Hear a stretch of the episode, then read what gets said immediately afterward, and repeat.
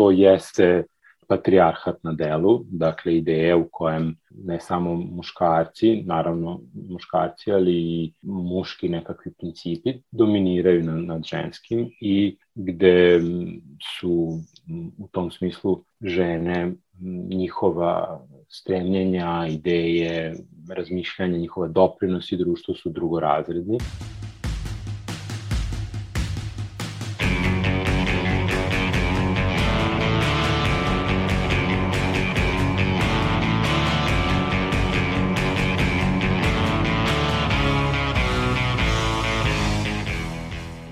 Slušate podcast Reaguj, nezavisnog društva novinara Vojvodine. Moje ime je Iva Gajić, a na podcastu rade i Sanja Kosović, Irena Čučković i Sanja Đorđević.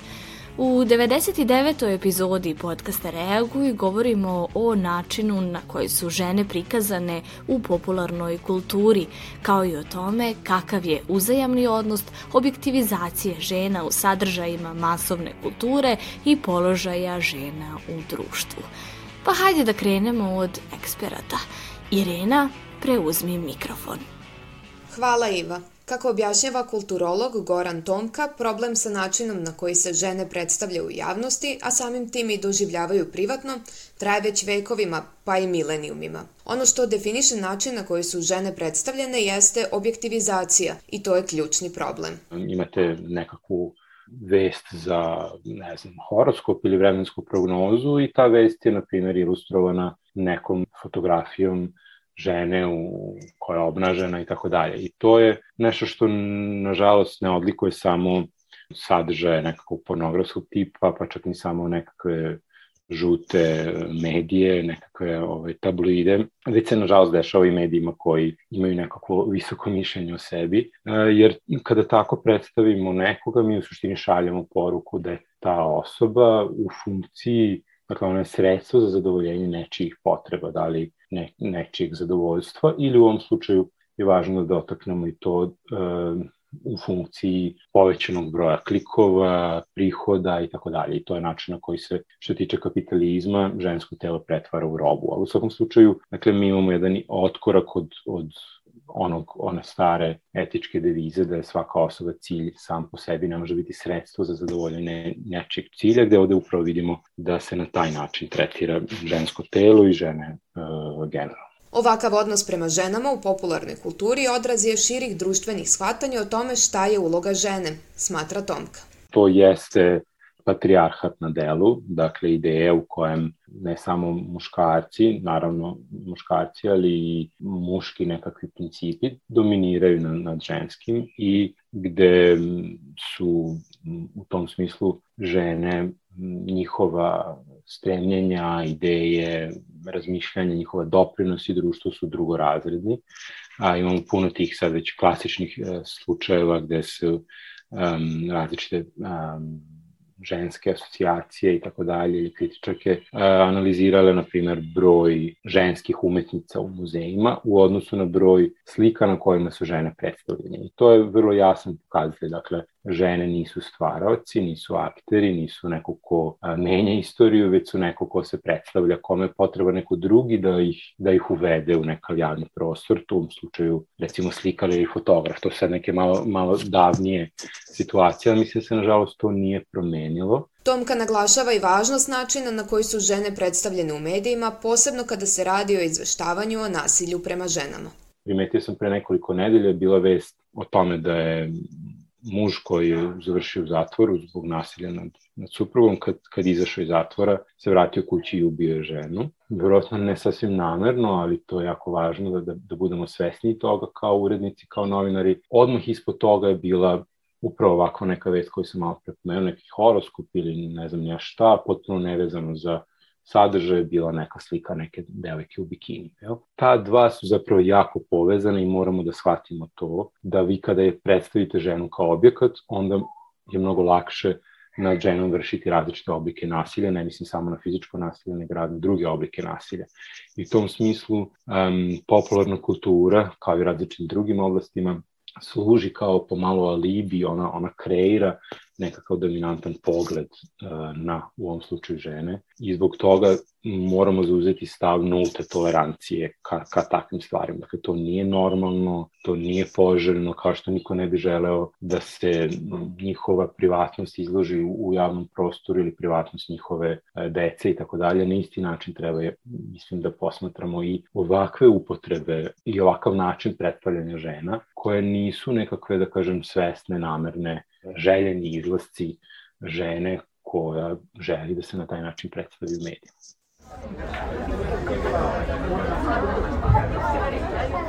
Hajde da vidimo šta oni koji su zapravo konzumenti ovakvog sadržaja misle. Pitali smo mlade kako se njima čini na koji način su žene prikazane u domaćoj popkulturi. Za početak, Svetlana smatra da su žene u domaćim filmovima, ali i u muzici prikazane mahom kao žrtve da je uvek žena ta koja traži neku pomoć i da je to osoba kojoj treba neka osoba koja vodi kroz to, obično muška osoba i da je to zapravo problem u celoj priči, ali da vremenom dolazimo do toga da žene postaju glavni likovi, da žene postaju protagonistkinje u svemu što se dešava i da imam utisak da će možda to biti neki put gde ćemo videti da su žene zapravo vrlo sposobne i da daju značaj i da daju neku vrstu ohrabrenja mlađim generacijama da će to biti način gde će oni videti da nisu same i da mogu da budu u ovom svetu jednake sa muškarcima. Marko smatra da su žene prikazane kao submisivna bića, ali vidi i pozitivnu promenu u proteklih nekoliko godina. Što se tiče muzike kao sponzoruše, apsolutno, i kao submisivna bića. U filmu su prikazane kao sekundarni, sekundarni građani, mislim moram tako da kažem. Ono što sam video pozitivnu pojavu nekoliko popevačica danas kod nas koje su zapravo krenuli da skreću pažnju na, na to kako su predstavljene, ali mislim da se to neće menjati uskoro. Sa druge strane, Mariji posebno para uši način na koji su žene prikazane u muzičkoj industriji. Ona ističe YouTube kompilaciju pesama pod naslovom Nasilje nad ženama u domaćim pesmama, gde je napravljen pregled pesama u čijim tekstovima dominiraju motivi ženskog poniženja. I onda, brate, skapiraš da ono, preko sto pesama ugnjetava žene na najstrašniji mogući način.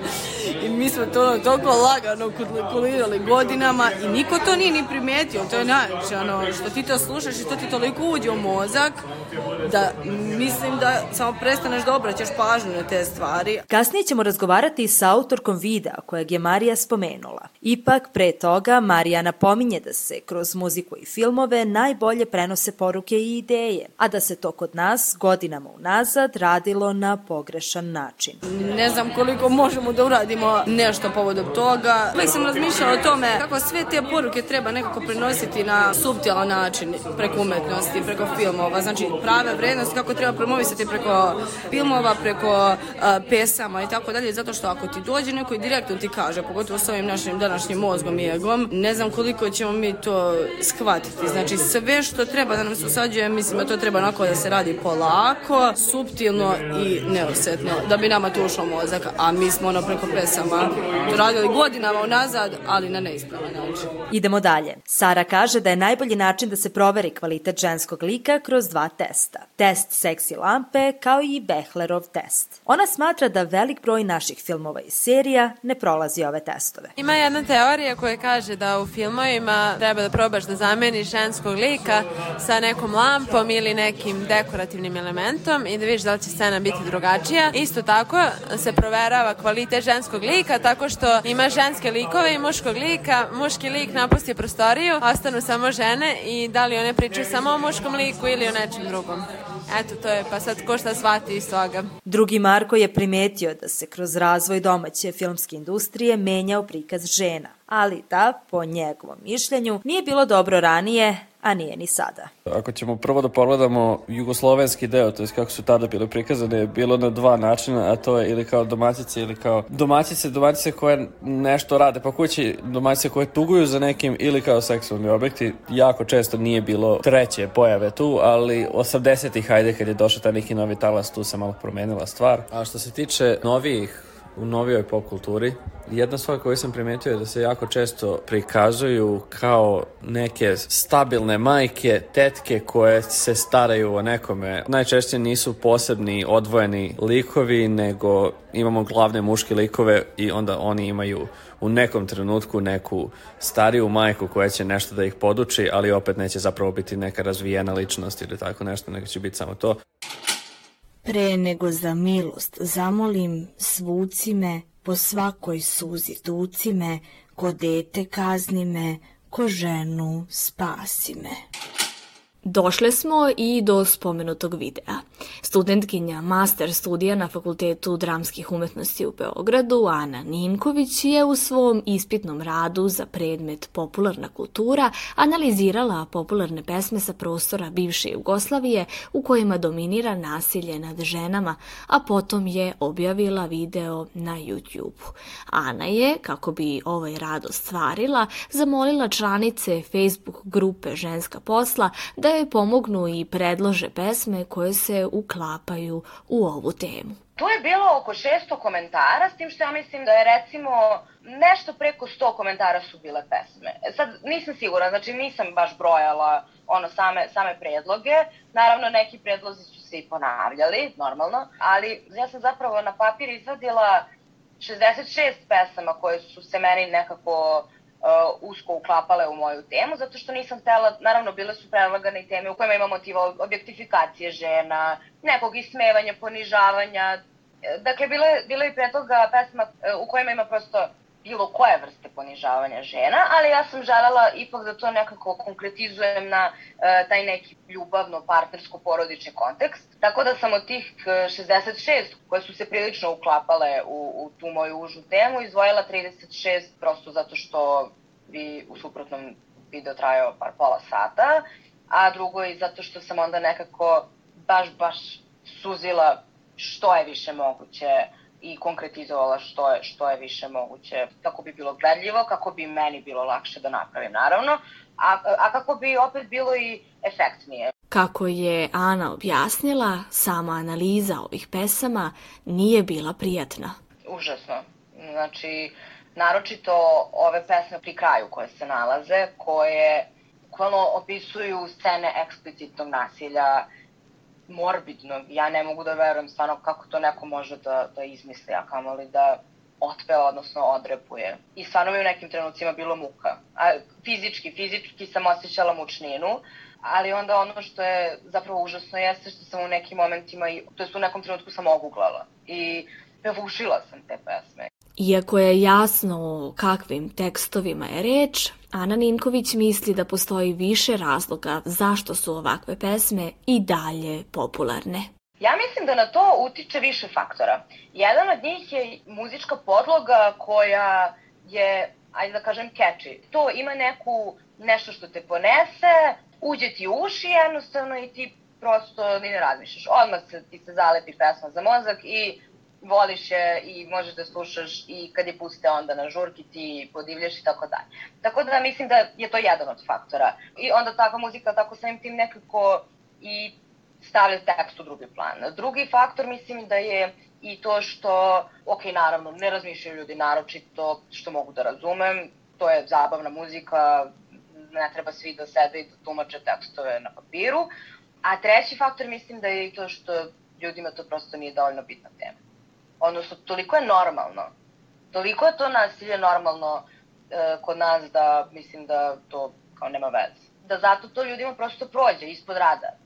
Jer mislim da, da, je, da je tema da kad bi neko izbacio pesmu ili kada bismo mogli da nađemo 36 pesama o incestu, pa mislim, svi bi poludeli na to, istog trenutka kada bi čuli. Mislim, incest kao neka ultimativno užasna stvar nad kojom se realno svi izgražavamo. Mm. Mislim da bi na to svi poludeli. Ali mislim da ovo jednostavno nije dovoljno važno. I onda kao nema veze. Ni ne čujemo zato što smo navikli na to i kao to je normalno. Normalno je da se žena ponižava zbog ljubavi. Kako je video javno dostupan, brzo se proširio i društvenim mrežama, što je kasnije dovelo do različitih stavova o ovom radu. Pa podeljene su, ali svakako da su podeljene, ali ja bih rekla da ima više pozitivnih reakcija. iako su negativne glasnije, iako su negativne i mene mnogo više pomerile, nažalost. Žao mi je što sam sebi dopustila da čujem, to je da mi značajnije bude tih manje negativnih od, ovi, od ove gomile pozitivnih, najčešće su pozitivni komentari, a ovi koji su negativni opet se svrstavaju u više grupa i mislim da su nekako najzastupljeniji oni koji brane svoje ljubljene izvođače, bilo da su to turbo folk ili rock rap, bilo koji taj neki kao underground, mislim, mada baš to i ne bih rekla da je riblja čorba underground, ali ovaj, manje je mainstream od, od uh, turbo folka. I čini mi se da čak ta ekipa koja se gnuša turbo folka je mnogo ostrašćenija po pitanju odbrane svojih izvođača. Iako ja ni u jednom trenutku nisam rekla da tog i tog izvođača treba ukinuti, cenzurisati, zabraniti, bilo šta. Niti sam rekla da su ti izvođači nasilnici ovakvi ili onakvi. Oni su se osjećali uvređeni. Imali su potrebu da brane mm, te svoje, ne, ajde, možda i dole preteška reč, ali prosto te svoje obožavane pevače i grupe. Ipak, kako bi dodatno objasnila zašto dolazi do odbrane voljenih izvođača, Ana povlači paralelu između dva slučaja. Komentar koji je neko napisao i sa kojim se ja u potpunosti slažem, a to je da je to nekako slično ponašanje kao ono kada neko čuje da je njegov drug, na primer, udario svoju ženu ili devojku I onda kaže, ma ne bi on, ma da si ti luda, ne bi on, ja znam njega, on je dobar, on je ovakav, on je onak. E, mislim da je to taj sindrom. I mislim da je to jako povezano zapravo, jer niko e, nije oslobođen, odnosno svako je podložen kritici. I to što ti voliš nekog izvođača, volim i ja nekog izvođača da slušam. I ja sam jako, vrlo sam pazila na to da da ne isključim nekoga slučajno iz tih nekih subjektivnih razloga. I tako da mislim da je to odraz i ovog ponašanja u realnom svijetu i realnom životu, što je strašno. Video je podeljen na dva dela, pogled iz ženske i iz muške perspektive. Žanrova je više, a kako kaže Ana, šarenolikost žanrova nije bilo iznenađenje. Jako mi je bilo interesantno što od tih muških pesama samo je jedna turbo folk, a sve ostale su rock i rap, ili mislim, ok, punk, metal, kako god, ali, ali ti kao alternativni pravci. Čak i rap, taj nije, uh, znači jedna od tih pesama, uh, od rap pesama je kao ljubavna. I zove se Fališ mi. I refren ide Fališ mi, kao peva ovaj, pevač, pošto je, jel te, duet. Kao, fališ mi, a ovde kaže, ubio bi te, ali nisi vredna robije. I onda znaš, to nije onaj rap, ono, neki geto rap koji sad to, sve je lova, prostitutke i tako nešto, nego je kao ljubavna pesma koja zapravo uopšte nije, ne da nije ljubavna, neko je psihopatska, mislim, znaš. Mislim, što najgore nisam se iznenadila. Zapravo, ja nisam bila upućena u sve te pesme, ali se nisam iznenadila. Jedino je to bilo, bilo, bilo mi je to interesantno što, što je samo zapravo jedna muška pesma, turbo folk, ali se nisam iznenadila što su ove ostale, ovi ostali žanovi zastupljeni. Ana Ninković je diplomirana profesorka srpskog jezika i podvlači da nije radila istraživanje, već čistu analizu pesama u našem društvu. Dobila sam kritike na društvenim mrežama kako ja nisam odradila metodološko istraživanje dobro i kako ne mogu ja sad da tvrdim, kao, a, jel šta to znači ako ja čujem pesmu, e, otići ću da prebijem ženu. Tako da, eto, ja ću se suzdržati od komentarisanja toga, jer istina da ja nisam ni socijalna psihološkinja, ni sociološkinja, ni antropološkinja, tako da u tom smislu neću da ulazim u nešto što prosto nije moja uža struka, ali svakako mislim da je odraz društva jer na kraju krajeva ne bi bilo toliko popularno i bilo bi osuđeno, ako ništa drugo. Znači, ili ne bi doseglo toliki domet i toliku popularnost, ili bi iz nekog, ne znam, skandaloznog razloga došlo ovaj, u, u javnost, a onda bi javnost to osudila. Čulo bi se, ne bi nam prošlo ispod radara, nego bismo čuli te tekstove kakve jesu i šta zaista govore i onda bismo ih osudili. A ovako pošto društvo, društvo je to okej, okay, onda, onda je očigledno, po, povezanost je očigledna. Najstarija korišćena pesma u radu je objavljena 1981. godine, a najnovija 2020. Ipak, popularnost ovakvih tekstova za sada ne opada, podvlači Ana Ninković. Ta najnovija je iz 2020. i to je jedna rap ili trap pesma, sad ja nisam sigurna koja je tu granica. I koliko ja znam, ta pesma je popularizovana na TikToku. I ja sam čak letos čula uh, jednog klinca od, ja mislim da on ima tipa 8-9 godina, tako nešto, koji peva tu pesmu. E sad, on, on je pevao samo ono, ne znam, prvo dva stiha, nije pevao ovo što sam ja ovaj, uključila. Ali to je to, kao što se tiče repa, kao svi smo navikli da ima tog nekog nepoštovanja prema ženama, ponižavanja i tako dalje. I mislim da je i taj izvođač onako polu underground, da je on slučajno dostigao tu slavu, da je prosto buknula ta pesma zbog TikToka. Ali očigledno da nije to ukinuta, cancelovana. Znači, generacija Z koja voli tu cancel kulturu, je tu pesmu u Srbiji popularizovala. E sad, da li to znači da cancel kultura još nije stigla u Srbiju? Ili to znači da nema veze, ako je dobar fazon, ako vozi pesma, onda nema veze koji je tekst, nisam sigurna. Mislim da što se tiče tretmana žena, imamo još dosta da se tu borimo da bi se to osvestilo. A da bismo osvestili neravnopravan položaj žena u društvu i napravili korake ka njegovom poboljšanju, važno je napraviti distinkciju između bioloških i društveno uslovljenih razlika između muškaraca i žena. Molekularni biolog i neurobiolog dr. Miloš Babić u svom tekstu Psihološke razlike među polovima, koliko smo uslovljeni biologijom, a koliko kulturnim obrazcima, objašnjava da osim onih razlika fizičkih i anatomskih, slabo ima i onih bioloških koji bi opravdano podelile uloge na muške i ženske. Stvarne biološke razlike u psihologiji su muškarci imaju značajnu prednost u mentalnoj rotaciji, muškarci su češće levoruki, muškarci imaju malu prednost u matematici, žene imaju prednost u broju reči i brzini jezičkog procesiranja. Dalje, dr. Babić navodi kako se ovi rezultati svode na nivo statističkih grešaka, pa tako objašnjava da se za mentalnu rotaciju muškarci i žene poklapaju u 75% slučajeva, za levorukost i jezičke sposobnosti u preko 95%. Konačno, kod matematike preklapanje je punih 98%.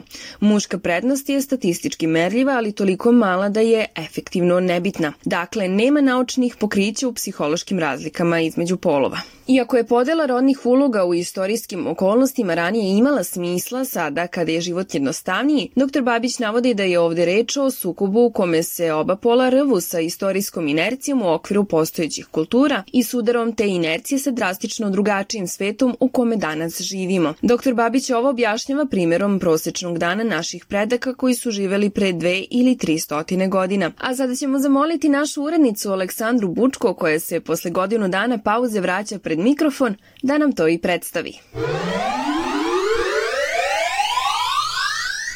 Hvala Sanja. Na Balkanu preci o kojima govorimo su u ogromnoj većini slučajeva bili zemljoradnici. Muž i žena se rano ujutru probude. Žena napravi doručak i ostane sa decom, dok muž ode da radi, uglavnom teške fizičke poslove, na polju ili u okviru imanja. Žena tokom dana pazi na decu, plete odeću dok deca spavaju, pere veš i sređuje kuću, dok muž kopa, ore, gradi ili tera stoku. Kasnije, u toku dana, muž se vraća kući, jede večeru koju je žena pripremila i možda ima snage da provede nešto vremena sa decom pre nego što mrtav umoran padne u krevet. Ova podela poslova imala je smisla kada se uzmu u obzir demografske i biološke činjenice. U tom periodu je jedno troje dece umiralo u detinstvu. Epidemije kolere, kuge ili boginja povremeno bi proletele i pokosile veliki deo populacije. Nije postojala kontracepcija i porodice su imale šestoro, osmoro, desetoro dece. Žene su bile trudne ili dojenjem vezane za malu decu tokom većeg dela života i smisleno je bilo da ostanu u kontrolisanoj okolini u kojoj na tu decu mogu da paze. Mada su oba pola stalno teško radila, poslovi koji su bili daleko od sigurnosti okvira kuće, uglavnom su padali na muškarce.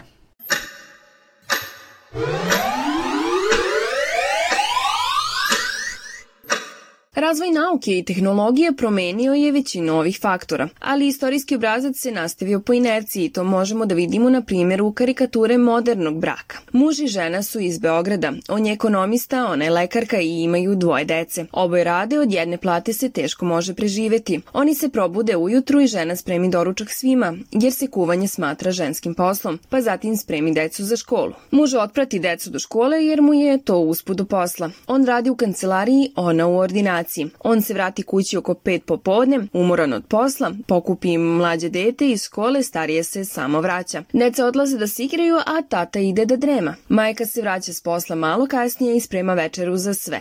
Usput stavlja veš da se pere i proverava da li su deca uradila domaći. Ako nisu, ona im pomaže. Otac nakon što se probudi upali televizor da gleda utakmicu dok čeka da večera bude gotova. Doktor Babić navodi da ovde i ne pričamo samo o percepciji jer se sve može izmeriti. Jedno merilo koje se može upotrebiti je broj neplaćenih radnih sati po danu. Koliko se dodatnih sati povrh rada na radnom mestu ulaže u neplaćeni rad u kući. Najveća jednakost između polova je u Holandiji, gde muškarci u proseku rade 2,5 sata po danu kod kuće, dok žene ulažu 3,5 sata. Najveća nejednakost je u Italiji, gde žene ulažu 5,5 sati na dan na kućne poslove, dok muškarci ulažu ulažu 2,5 sata. Srbija je negde između sa malo preko 5 sati dnevno za žene i skoro 3 sata za muškarce. I tako muškarci vreme koje ne provedu u neplaćenom radu kod kuće mogu da provedu u plaćenom radu na poslu, napreduju u poslu i zarađuju veće plate.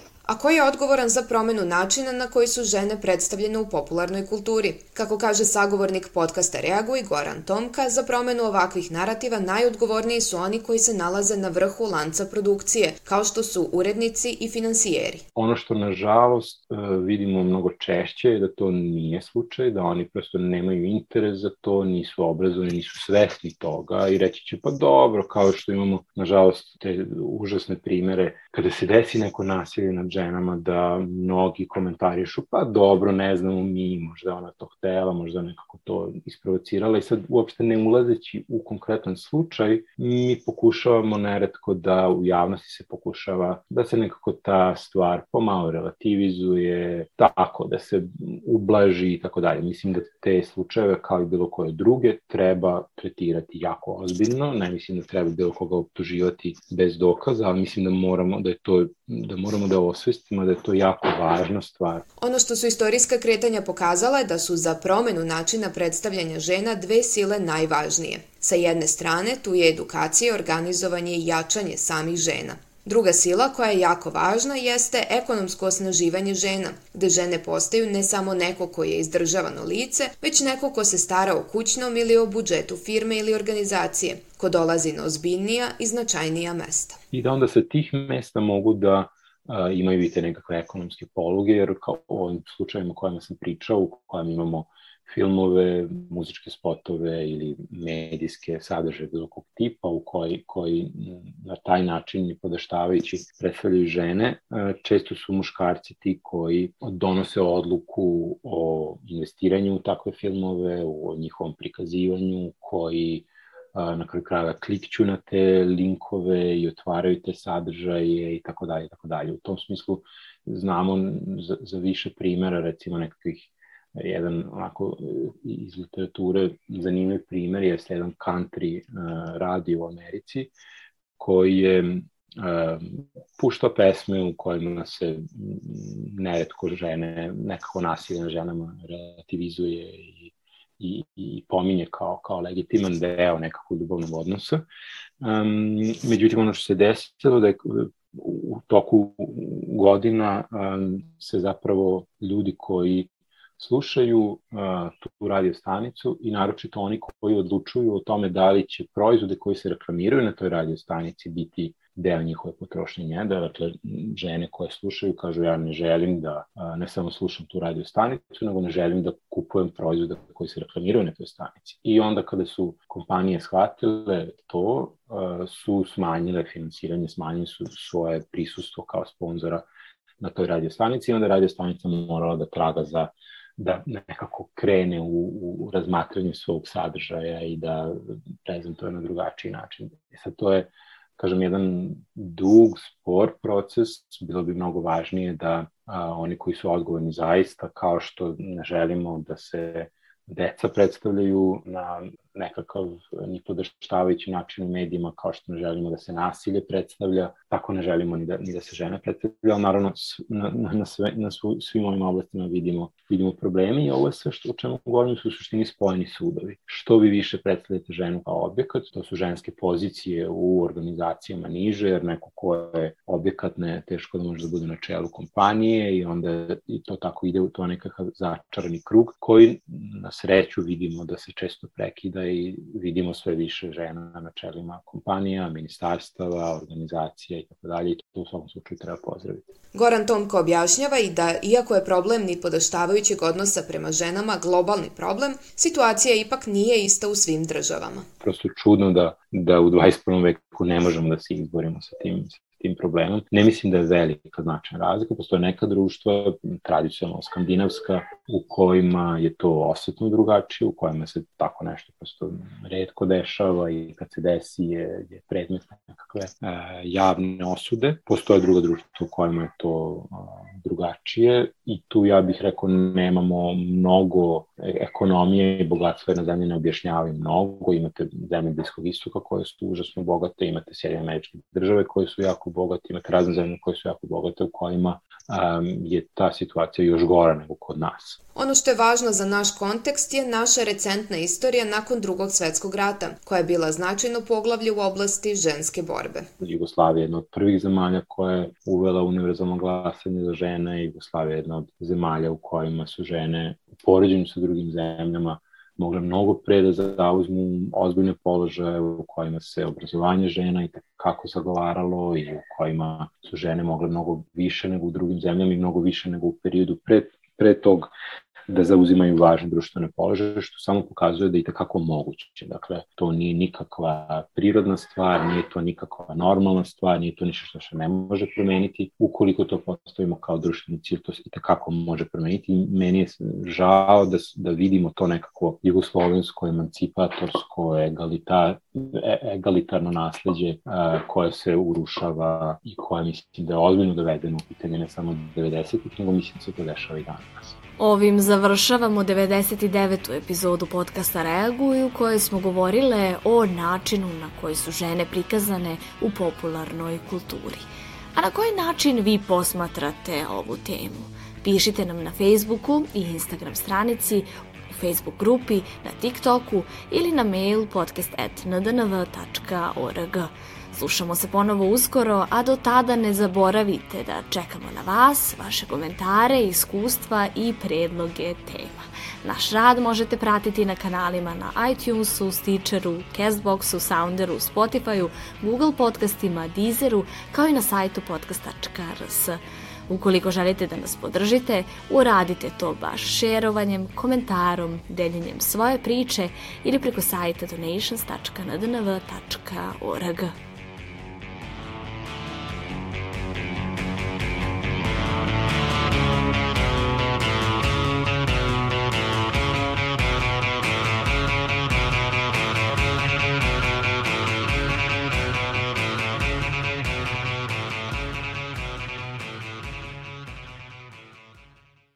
Ovaj podcast je nastao uz finansijsku podršku Evropske unije. Sadržaj ove epizode isključiva je odgovornost podcasta Reaguj i ne odražava nužno stavove Evropske unije kao ni mreže za izveštavanje o različitosti 2.0.